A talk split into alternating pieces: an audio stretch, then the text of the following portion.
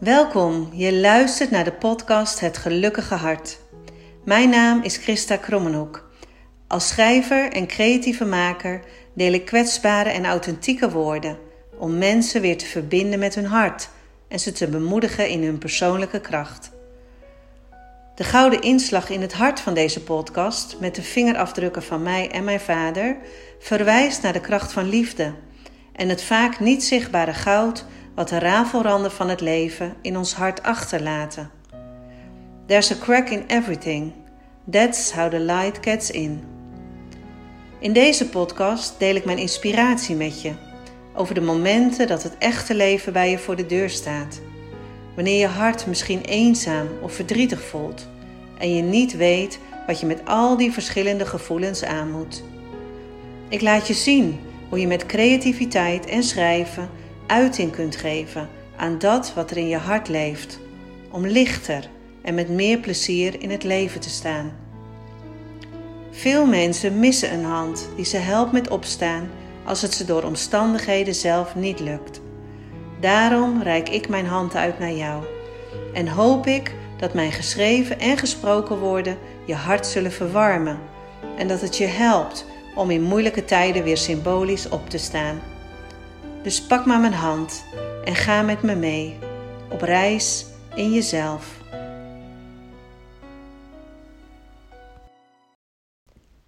Superleuk dat je er weer bent en eindelijk weer een nieuwe podcast die ik voor je opneem. Heel lang uh, denk ik, waar zal ik het over hebben? Terwijl ik genoeg onderwerpen in mijn hoofd heb, terwijl ik weet waar jij behoefte aan hebt. Um, en toch wacht ik dan om te beginnen. En vanmorgen dacht ik, nee, ik ga gewoon iets inspreken. Ik voel dat ik iets moet delen. En ik deel altijd het liefst zonder strategie, gewoon vanuit mijn hart. Wat er op dit moment bij mij in mijn hart leeft. En waarvan ik denk dat jij misschien wel uh, behoefte aan zou kunnen hebben. Dus vandaar dat ik vandaag weer verschijn hier. En ik bedank je als je een trouwe luisteraar bent, als je je geabonneerd hebt op deze podcast. Vind ik echt super lief, super fijn. En als je denkt, ik ken iemand die heeft ook behoefte aan deze woorden, nou deel het met haar of hem. Deel het op Instagram, maakt niet uit. En anders luister je gewoon lekker zelf. Nou, vandaag uh, dacht ik, ik ga eens praten over ons hart, uh, over mijn hart. Omdat de podcast heet Het Gelukkige Hart. En eerder hebben we het er al over gehad dat je niet altijd super gelukkig hoeft te zijn om ook verdrietig te kunnen zijn. Je hoeft niet alleen maar verdrietig te zijn terwijl je ook gelukkig kunt zijn. Alle kanten op. Maar hoe zit dat nou met dat hart? En ik kan natuurlijk alleen maar voor mijn eigen hart spreken. Uh, maar misschien maak jij wel dingen mee die vergelijkbaar zijn. Of vertel ik wel dingen waarvan jij denkt, nou, dat is precies hoe het bij mij voelt. Ik ga in ieder geval vandaag even een klein stukje meenemen in uh, mijn eigen hart. En uh, er is namelijk de afgelopen maanden best wel heel veel gebeurd. En dat waren echt prachtige hoogtepunten, waren ook dieptepunten van verdriet, maar ook van dankbaarheid. Eigenlijk te veel om allemaal nog hier te gaan vertellen. Ik denk dat de twee belangrijkste gebeurtenissen in mijn eigen hart de afgelopen maanden. Uh, in juli uh, het laten inslapen van Lizzie is geweest, onze Berner. Ik heb daar ook een column over geschreven die ik voor je heb ingesproken op social media.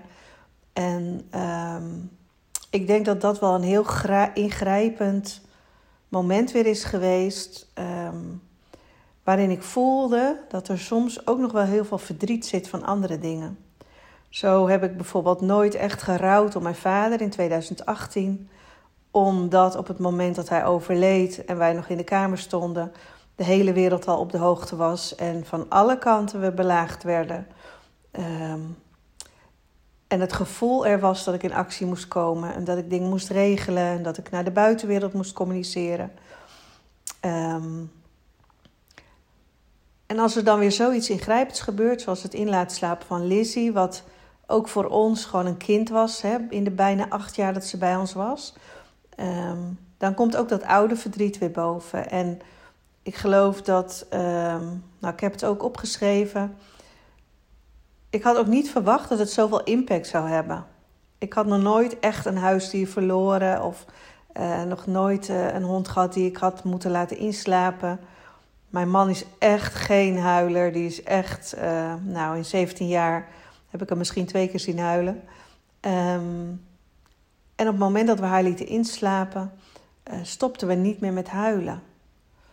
Ik denk dat we een week lang gewoon elkaar aankeken en gewoon allebei weer in tranen uitbarsten, omdat het zo heftig was wat er gebeurde. En ik voel het, terwijl ik het nu vertel, voel ik het gewoon in mijn keel. Ik voel gewoon een soort van brok in mijn keel uh, komen.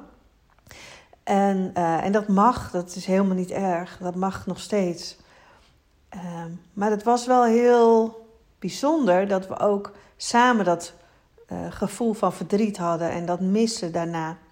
En dat je dat ook samen kan delen met elkaar. Maar ik merkte ook dat er eigenlijk ook een heel groot stuk verdriet nog bij zat van mijn vader. Van het, ja, eigenlijk het niet rouwen wat ik uitgesteld had. En nou kun je natuurlijk op verschillende manieren rouwen. Ik heb een boek geschreven over mijn vader, over ons leven, de kracht van liefde.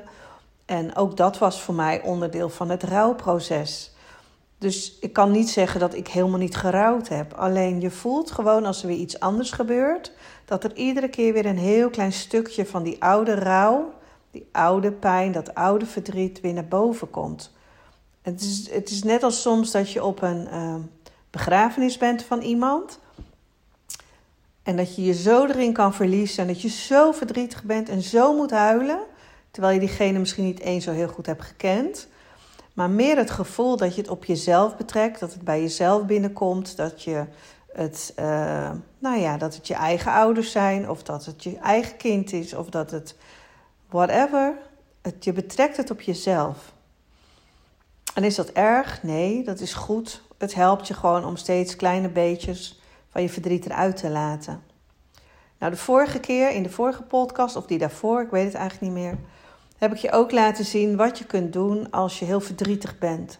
En wat schrijven daarin voor je kan betekenen. En de opdrachten heb ik uh, in de vorige podcast of daarvoor uh, met je gedeeld. En het is heel waardevol om dat terug te kijken als je denkt: ik heb behoefte om een verdriet er nog uit te schrijven. Of mijn verdriet eruit te laten. Of misschien kun je helemaal wel niet bij je verdriet. Zit je hart zo op slot dat je gewoon er niet eens bij kan.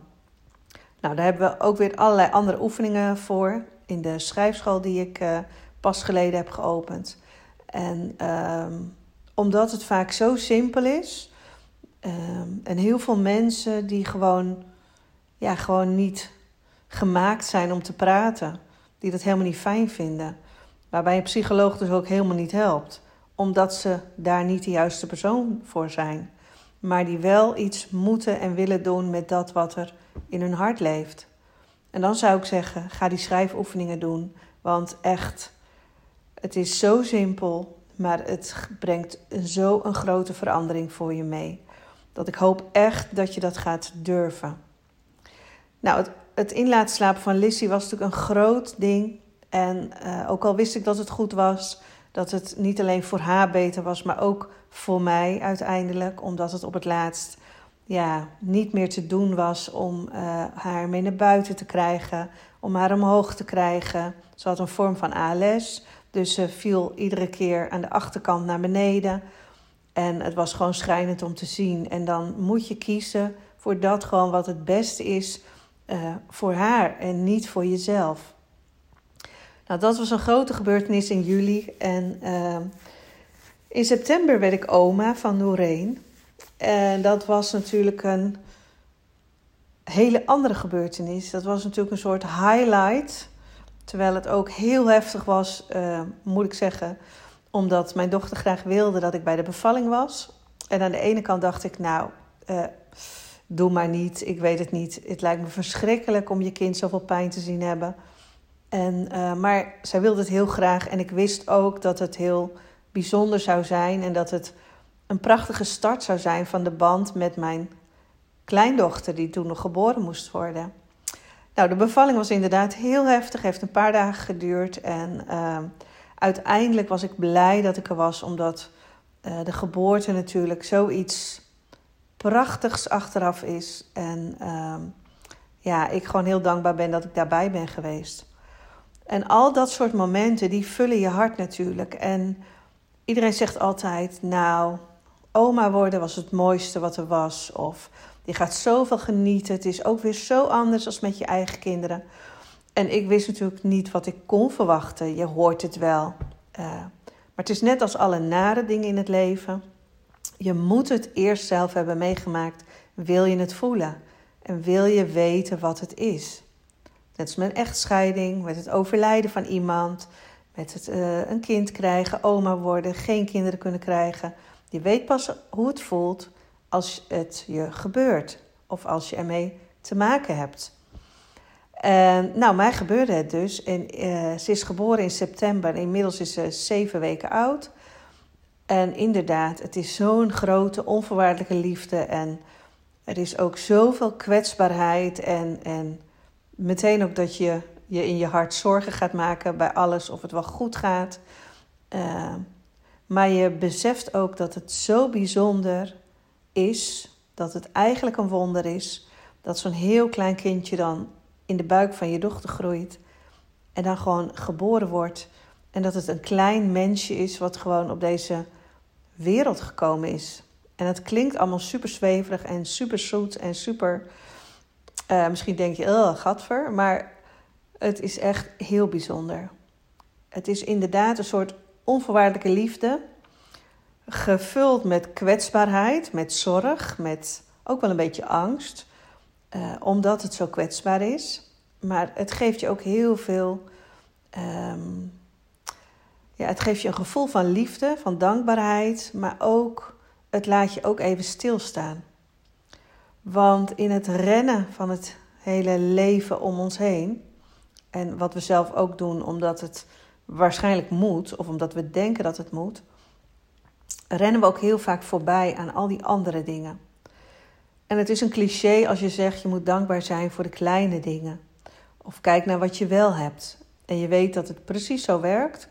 En toch zijn het van die opmerkingen die, die je heel mooi kan zeggen tegen iemand, maar die soms niet de inhoud hebben die ze zouden moeten hebben. En als er iets gebeurt in je leven, en in mijn geval was dat eerst het overlijden van Lissy, toen de geboorte van Nooreen, en bij jou is het misschien iets anders, uh, dan sta je even stil. Dan sta je gewoon even stil, hoop ik tenminste. En dan voel je je bewust van dat wat er gebeurt. Van dat wat er is en misschien wel van dat wat er niet is. En als ik stop met praten en het wordt helemaal stil, dan zul jij voelen wat is er op dit moment waar jij bij stil zou kunnen staan. Is het iets leuks? Is het iets verdrietigs? Is het iets waar je blij van wordt? Is het iets waar je somber van wordt?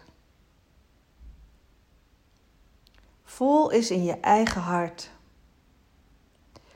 Waarvoor zou het goed zijn voor jou om nu heel even stil te staan?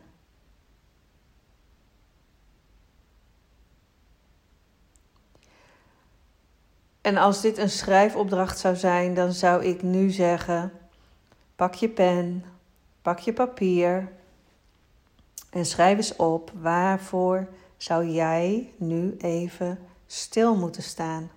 Waarbij zou het nodig zijn dat jij even stilstaat, alleen maar ademt, misschien je ogen dicht doet, of misschien wel even om je heen kijkt.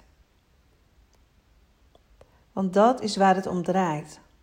De podcast heet Het Gelukkige Hart. Het gelukkige hart heeft zoveel verschillende kanten en zoveel verschillende kamers. En het enige wat je hoeft te doen in dat hele hectische, jachtige leven om ons heen, is af en toe even stil te staan, je ogen dicht te doen, even heel diep in en uit te ademen, je zorgen te laten gaan, het moeten te laten voor dat wat het is en gewoon even stil te zijn. Het gelukkige hart. Het klinkt als iets wat alleen maar gevuld is met hele prachtige, mooie, luxe dingen, momenten, mensen, um, zichtbaarheid, social media, vergelijken, het beeld wat je zelf hebt, het beeld wat je bij een ander hebt, het willen delen van dingen. Maar het gelukkige hart is nog zoveel meer dan dat. Er zitten nog zoveel andere kanten aan waar je misschien nog niet bent gekomen. En misschien vind je dat ook eng. Misschien denk je wel, nou, laat mij maar gewoon lekker hè, kijken naar de foto's van anderen, wat ze ontbijten, op welke vakanties ze zijn, uh, wat ze hebben meegemaakt. Want dan hoef ik niet naar mijn eigen hart te gaan. Maar een fijn leven en een gelukkig hart gaat ook over jouw hart en waar jouw hart mee is gevuld. En dat kunnen natuurlijk heel veel verschillende dingen zijn. En ik merk al langere tijd, ik ben er eigenlijk al jaren mee bezig, uh, op het moment al dat ik even denk, uh, in 2006 een auto-ongeluk kreeg. En daarna eigenlijk ja, een soort van in het donker op de bank kwam te liggen en er niet meer van afkwam. Uh, mijn leven weer ging opbouwen, weer ging werken. Uh, het niet kon, steeds uren in ging leveren, steeds minder ging werken. En uiteindelijk afgekeurd op de bank eindigde uh, met een, een zwaar onrechtvaardig gevoel naar de rest van de wereld. Met een grote teleurstelling in mezelf. En met uiteindelijk ook een niet gelukkig hart. En daar begon het dat ik hele kleine stapjes ben gaan zetten om te kijken waar kan ik mijn hart wel mee vullen. Waar word ik nou wel gelukkig van? Waar word ik blij van? En wat heb ik nou werkelijk allemaal nodig? Niet alleen omdat ik toen mijn baan verloor, omdat ik ziek werd, uh, maar we hadden een heel groot huis. En daar woonden we met ons samengestelde gezin. Het was een prachtig huis, we hadden het helemaal zelf opgeknapt, jaren over gedaan. En ik stond midden in de kamer. Het was een hele grote kamer. In het midden was helemaal niks. Daar kon ik echt gewoon helemaal ronddansen. Daar stonden geen meubels. Er was zoveel ruimte dat. Uh... En ik dacht, ik stond in die kamer en ik dacht: voel ik mij gelukkig hier in dit huis, op deze plek, met deze grote kamer en deze spullen? Ik had hele mooie zwarte muren, ik had mooie uh, chrome stoelen, ik had prachtige, nou, prachtige meubels. Uh, alles was, uh, nou ja, perfect niet. Maar ik, ik had het, dacht ik, helemaal zo voor ogen zoals ik het zelf wilde. Ik had moodboards gemaakt van tevoren. Ik wilde hele brede zwarte luxeflex van VT Wonen, die had ik. Ik had eigenlijk alles wat ik wilde. En toch voelde ik mij daar niet gelukkig. En ik droomde van minder en van kleiner. En van een wit huis. Waar alles licht was. Waar rust was. Waar heel weinig spullen waren. En heel langzaam aan ben ik gaan kijken: oké, wat wil ik dan wel? Waarom voel ik me hier niet thuis? Waarom ben ik dit ontgroeid? Waarom is dit dus toch niet de droom die ik wilde? We hadden allebei een eigen werkkamer, we hadden twee bijkeukens, we hadden zes slaapkamers, ik noem het maar op. Uh, en toch was ik niet gelukkig. En ik dacht: oké, wat maakt mij nu wel gelukkig? En uh, we hebben het huis te koop gezet en na twee jaar was het nog niet verkocht.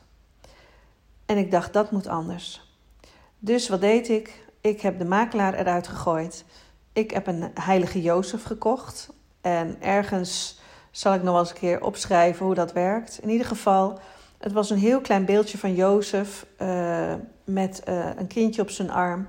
Die moest je op zijn kop begraven bij de voordeur in een bloempot. Zijn gezicht wel of niet naar de deur, dat ben ik vergeten. En elke dag moest je een versje opzeggen. En dan zou je huis heel snel verkocht worden. Nou, ik kan je vertellen dat op het moment dat ik de heilige Jozef begroef in de bloempot en uh, terwijl ik het versje op zei, trilde de telefoon in mijn zak. En het was een aanvraag voor een bezichtiging. En nadat ik de makelaar de deur uit had gegooid, heb ik eh, zelf foto's gemaakt van het huis. En bleek dat ze veel mooier waren dan dat die makelaars had gemaakt. Omdat ik echt het huis liet zien, uh, het leven wat erin zat, uh, de, het, het fijne. Want dat had het huis zeker, had heel veel fijne plekjes. maar niet meer voor ons. En binnen twee maanden was het huis verkocht. En we keken naar andere huizen, kleinere huizen. Ik nam mijn man overal mee naartoe. Totdat we in een huis kwamen waarvan ik dacht: hier gaan we wonen, heel klein, heel. En hij dacht: hier gaan wij niet wonen. Hier gaan wij niet wonen. En hij zei: Zullen we nog eens een keer gaan kijken naar dat huis waar jij twee jaar geleden bent geweest? En waarvan jij toen zei in de keuken: Hier ga ik ooit wonen. Hij zei: Want als we daar gaan wonen, dan kun je een pipowagen in de tuin neerzetten. Uh, zullen we daar gaan wonen? Zullen we daar gaan kijken? En dat huis stond al vijf jaar te koop. En ik was daar twee jaar eerder geweest. Het was in mijn oude straat.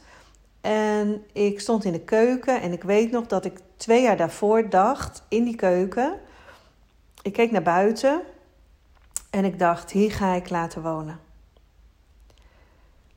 En het was echt bizar. Het huis had bijna vijf jaar te koop gestaan, op en af. En op het moment dat er ook net andere mensen interesse hadden, hebben wij op het laatste moment dat huis nog net kunnen kopen. En twee jaar later woonde ik in het huis waarvan ik dacht: hier ga ik ooit wonen. En het was een houten huis en het is schots en scheef en het kraakt en het piept en het. Maar de plek is echt fantastisch. En ik, de eerste keer dat we de sleutel hadden, stond ik in dat huis en ik dacht: wauw. En ik voelde gewoon de energie van dat het goed was. Ik stond in de tuin en ik voelde gewoon de vrijheid. En ik weet nog dat ik de eerste keer de sleutel had en dat Twan even weg was. En dat ik ben gaan zitten. mijn stem gaat het begeven. Dat ik ben gaan zitten met mijn rug tegen de muur. Dat ik om me heen keek in de lege kamer. En dat ik dacht: dit is alles wat ik nodig heb. Dit is alles wat ik nodig heb. Ik heb niks nodig. Er hoeven geen spullen in het huis te staan, want ik heb ze niet nodig. Wat ik wel nodig heb, is mijn familie en zijn mijn kinderen. En uh, dat huis waar we naartoe gingen was kleiner. En het zorgde ervoor dat mijn zoon, die tijdelijk bij zijn vader was gaan wonen, dat hij niet meer terugkwam bij ons. En dat werd op dat moment wel een heel groot ding, een heel groot verdriet. En ook dat heeft ertoe uh, bijgedragen um, hoe mijn hart later is gevormd. En waarom ik misschien ook wel de podcast Het Gelukkige Hart heb genoemd. Maar dat is een heel ander verhaal. Ik voelde in dat huis dat ik geen spullen nodig had dat ik alles had wat ik nodig had, omdat het in mijn hart zat. En op dit moment, in de jaren die daarna zijn gekomen en op het moment waar ik nu ben, echt sommige mensen moeten lachen of die vinden mij maar gek hè, in de familie dat ik alles maar wegdoe. Maar ik word zo blij van minder. Ik word daar zo blij van. En het is niet omdat ik het leeg wil hebben, omdat ik geen uh, spullen wil hebben. Alleen ik bewaar alleen waar ik echt heel erg blij van word. Wat mij echt gewoon een heel blij gevoel geeft. En dat wil niet zeggen dat er bij mij nooit troep is. Het is echt chaos af en toe. Maar ik ben bezig met alles steeds te ontspullen. Alleen de spullen te hebben die mij echt blij maken. Omdat ik gemerkt heb, ook ooit toen ik op vakantie was. Ik had een heel klein koffertje. Ik had, of ik had een rugzak. En er zaten wat spullen in. Uh, we zouden niet heel duur uit eten gaan in die vakantie. Uh, we zouden niet uh, gaan afspreken of in ieder geval naar het plaatsen gaan waarvan ik dacht, nou daar heb ik echt mijn nette kleren voor nodig. En ik heb werkelijk waar op één paar slippers, met één joggingbroek, met één korte broek, met een badpak en met misschien twee, drie jurkjes, heb ik gewoon die week, ben ik gewoon doorgekomen. En het was zo fijn om niks te hebben, om gewoon niet al die extra spullen mee te hoeven nemen. Uh, geen beslissingen te hoeven maken, want ik had niks om uit te kiezen. Ik had alleen dat. En het was echt zo heerlijk dat toen ik thuis kwam, dacht ik: hoe fijn zou het zijn als ik gewoon alleen maar om me heen heb wat ik nodig heb. Want als ik dat heb, dan is in mijn geval mijn hoofd ook minder vol. En uh, dan is er ook ruimte voor andere dingen. Voor dingen waar ik blij van word. En zo is het met spullen in je huis. Zo is het met uh, ja, alle andere dingen die je verzamelt. Alle mensen die je volgt misschien. Als je zoveel om je heen hebt, als je zoveel hebt om naar te kijken, als je zoveel hebt om te volgen, dan ben je af en toe de draad met jezelf kwijt. Het is prachtig om andere mensen te volgen. Het is goed om je te laten inspireren. Maar hou gewoon je hart opgeruimd en schoon voor jezelf. Dus als ik je een tip mag geven, ga eens om je heen kijken waar je nu bent. Misschien zit je in je huiskamer. Misschien loop je even naar boven naar je slaapkamer. En kijk eens met de ogen van een ander. Kijk eens met de ogen van hoe je het zou willen. Word je nog blij van dat wat je nu in je huis hebt staan? Word je hart daar nog blij van? En hoe kun je nou bijdragen aan je eigen gelukkige hart? En gelukkige staat altijd tussen aanhalingstekens. Want het omvat echt zoveel meer dan het woordje gelukkig. En ik denk echt dat je dan wel weet wat ik bedoel. Nou, ik denk dat dat het was. Ik weet niet waar we over begonnen. Ik weet ook niet eigenlijk nu waar we mee zijn geëindigd. ik weet alleen dat ik je wilde vertellen over dat de opschoning van je hart en het stil blijven staan even. Uh, dat kan iedere dag, dat kan één keer in de maand, dat kan om het uur. Dat dat goed is voor je hart. En dat je gewoon af en toe weer even moet kijken Zitten er nog wel de juiste dingen in mijn hart, in mijn hoofd, in mijn omgeving, in mijn huis, die ik er ook echt, echt wil hebben? Nou, mijn hoofd zit nooit stil. En ik uh, denk erover dus om ook hier weer een, een soort klein e-book over te maken. Over het ontspullen, over het opruimen van je hart. Um, over het langzamer leven, het slow leven. Het ehm, met minder eigenlijk meer hebben. Uh, misschien ga ik daar nog wel een e-book over maken. Uh, mocht dat zo zijn, dan zet ik hem natuurlijk in de schrijfschool. Want in de schrijfschool, daar heb ik nu al mijn cursussen gebundeld. Alle boekjes die ik gemaakt heb, alle videolessen die ik gemaakt heb, die staan allemaal in de schrijfschool. En daar kun je naar binnen met een eenmalige betaling. Blijf je daar lid totdat ik met pensioen ga. En uh, daar kun je op je eigen tijd, op je eigen gemak, op je eigen tempo, kun je daar uh, naar binnen. En uh, je kunt het vastvinden ergens op mijn website. kun je er meer over lezen. En ook dat was voor mij een beslissing om dat de afgelopen maanden te doen. Omdat ik zoveel verschillende cursussen en boeken had gemaakt. En videolessen had ingesproken. En podcasten had gemaakt. En weet ik veel wat ik allemaal wel niet aan inspiratie had. En overal stond wat. En ook dat was een stap in de richting van een schoon hart. Ik heb alles opgepakt, ik heb alles bij elkaar gezet. Er is één schrijfschool. Mijn hoofd is dus leeg voor andere dingen, want ik heb het in een kamertje apart waar de deur voor jou open staat, maar waar ik ook voor mezelf uh, de deur af en toe even dicht kan doen. Alles staat bij elkaar. Ik hoef er niet over na te denken. Zo hou ik mijn hart dus schoon. Zo hou ik mijn hoofd dus leeg en opgeruimd. En zo heb ik dus ook tijd voor dat wat echt van belang is.